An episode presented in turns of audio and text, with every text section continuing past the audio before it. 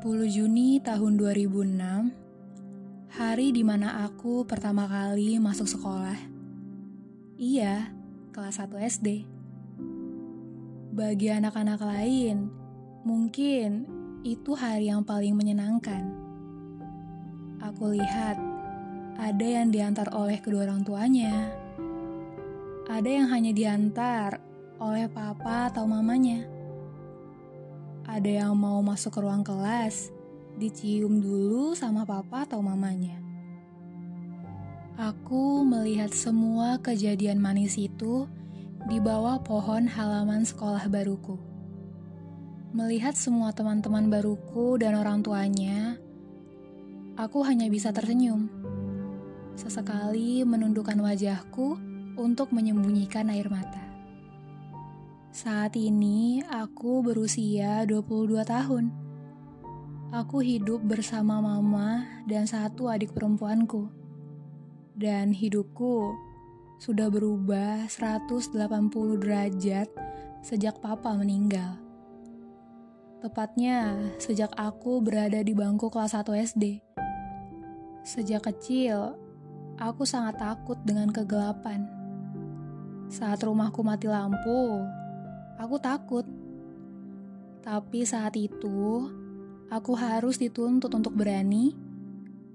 Karena karena aku lihat mama sudah tertidur dengan adikku yang dulu masih bayi. Aku tidak tega untuk mengganggu tidur mama hanya untuk menemaniku ke dapur untuk mengambil lilin.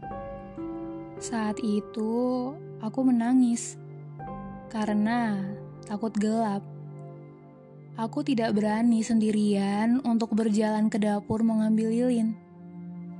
Dulu, sebelum papa meninggal, ketika mati lampu, papa yang selalu sigap menenangkan aku yang ketakutan saat gelap.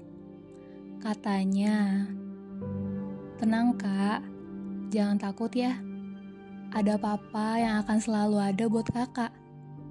Dan dulu, Cahaya dari lilin itu menerangi wajah papa.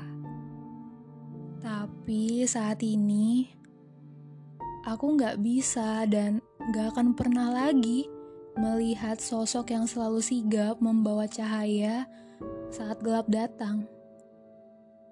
Karena sosok itu sudah berada di sumber cahaya yang kekal. Oh iya, Kanin. Dulu dan sekarang, aku dituntut untuk selalu kuat. Sejak kecil, aku diejek karena teman-temanku bilang, masih kecil kok udah gak punya papa. Kalau mereka tahu, kalimat itu sangat sakit untuk didengar. Mereka nggak tahu kalau isi dari setiap doaku yaitu minta ke Tuhan agar papa mamaku panjang umur.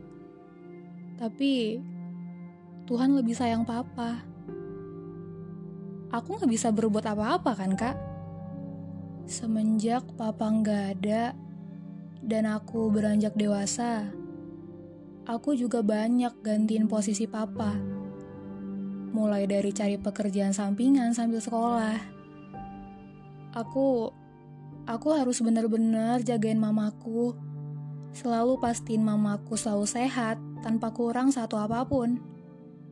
Dan dan aku juga harus selalu menjaga adikku agar semua kebutuhannya terpenuhi dan agar dia selalu aman dalam hal apa pun. Rasanya capek banget kak. Waktu untuk diri sendiri pun nggak ada. Sebagai anak perempuan pertama tanpa seorang papa, Aku gak bisa nunjukin kesedihan, kerapuhan, keterpurukanku ke mama atau adikku. Karena tugasku adalah harus selalu terlihat happy di hadapan mereka. Aku cuma bisa menyendiri, menangis sendiri, sambil terus berjuang. Sekian sedikit cerita dari aku. Terima kasih kak sudah berbagi ruang untuk bercerita. Hmm, Pertama-tama, aku mau sapa kamu dulu. Halo, gimana hari kamu? Gimana perasaan kamu sekarang? Semoga tetap kuat ya. By the way, kita seumuran loh. Dan aku juga anak perempuan pertama. Dan terima kasih udah mau sharing cerita kamu ke aku ya. Jadi, teman kita yang berinisial B ini adalah seorang anak perempuan yang sangat kuat. Kamu keren banget loh.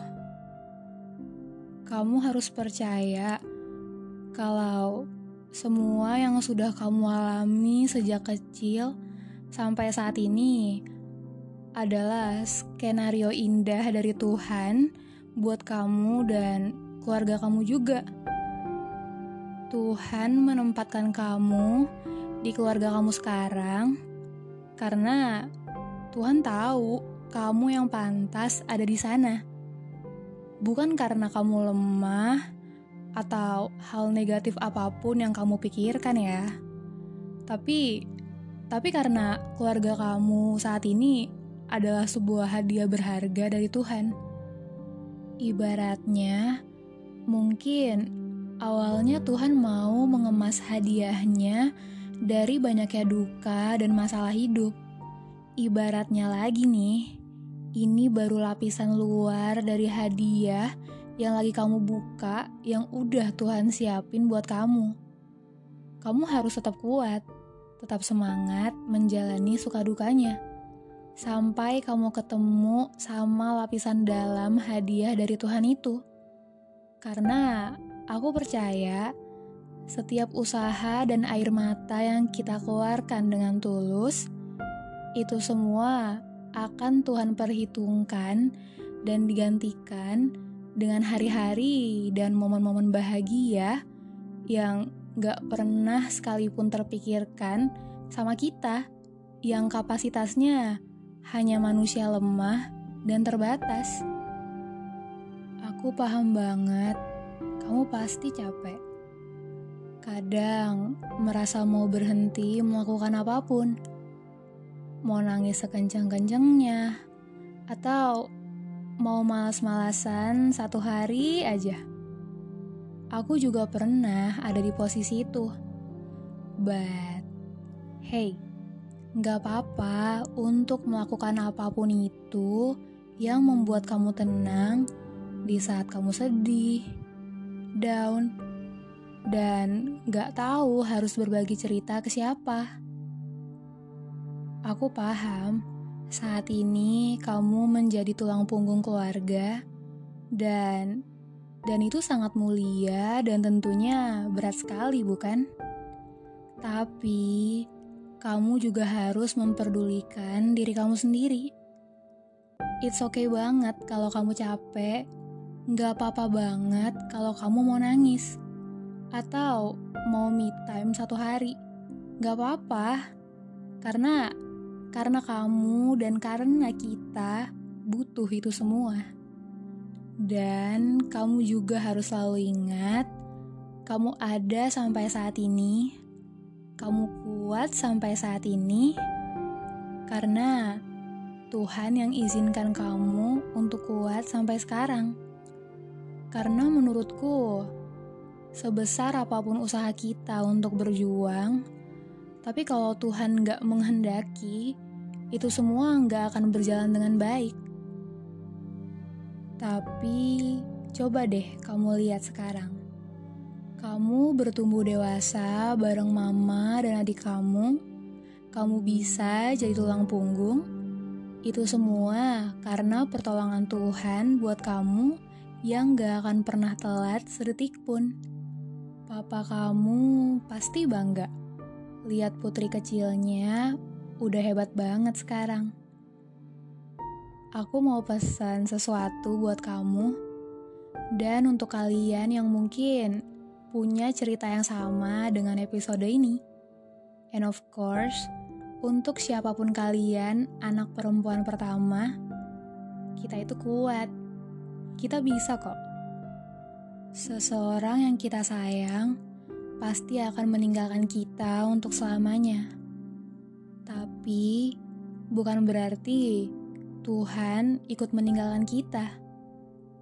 Kita selalu punya Tuhan, bahkan sedekat itu, karena Tuhan ada di dalam hati kita. Selama kita berjalan bareng-bareng sama Tuhan, gak ada yang gak mungkin kan? Dan setiap masalah yang udah Tuhan percayain untuk kita selesaikan, percayalah, Tuhan udah siapkan hal-hal yang akan membantu kamu dalam menghadapinya. Karena Tuhan itu sangat baik dan gak akan membuat kita jatuh sampai tergeletak. So, keep going.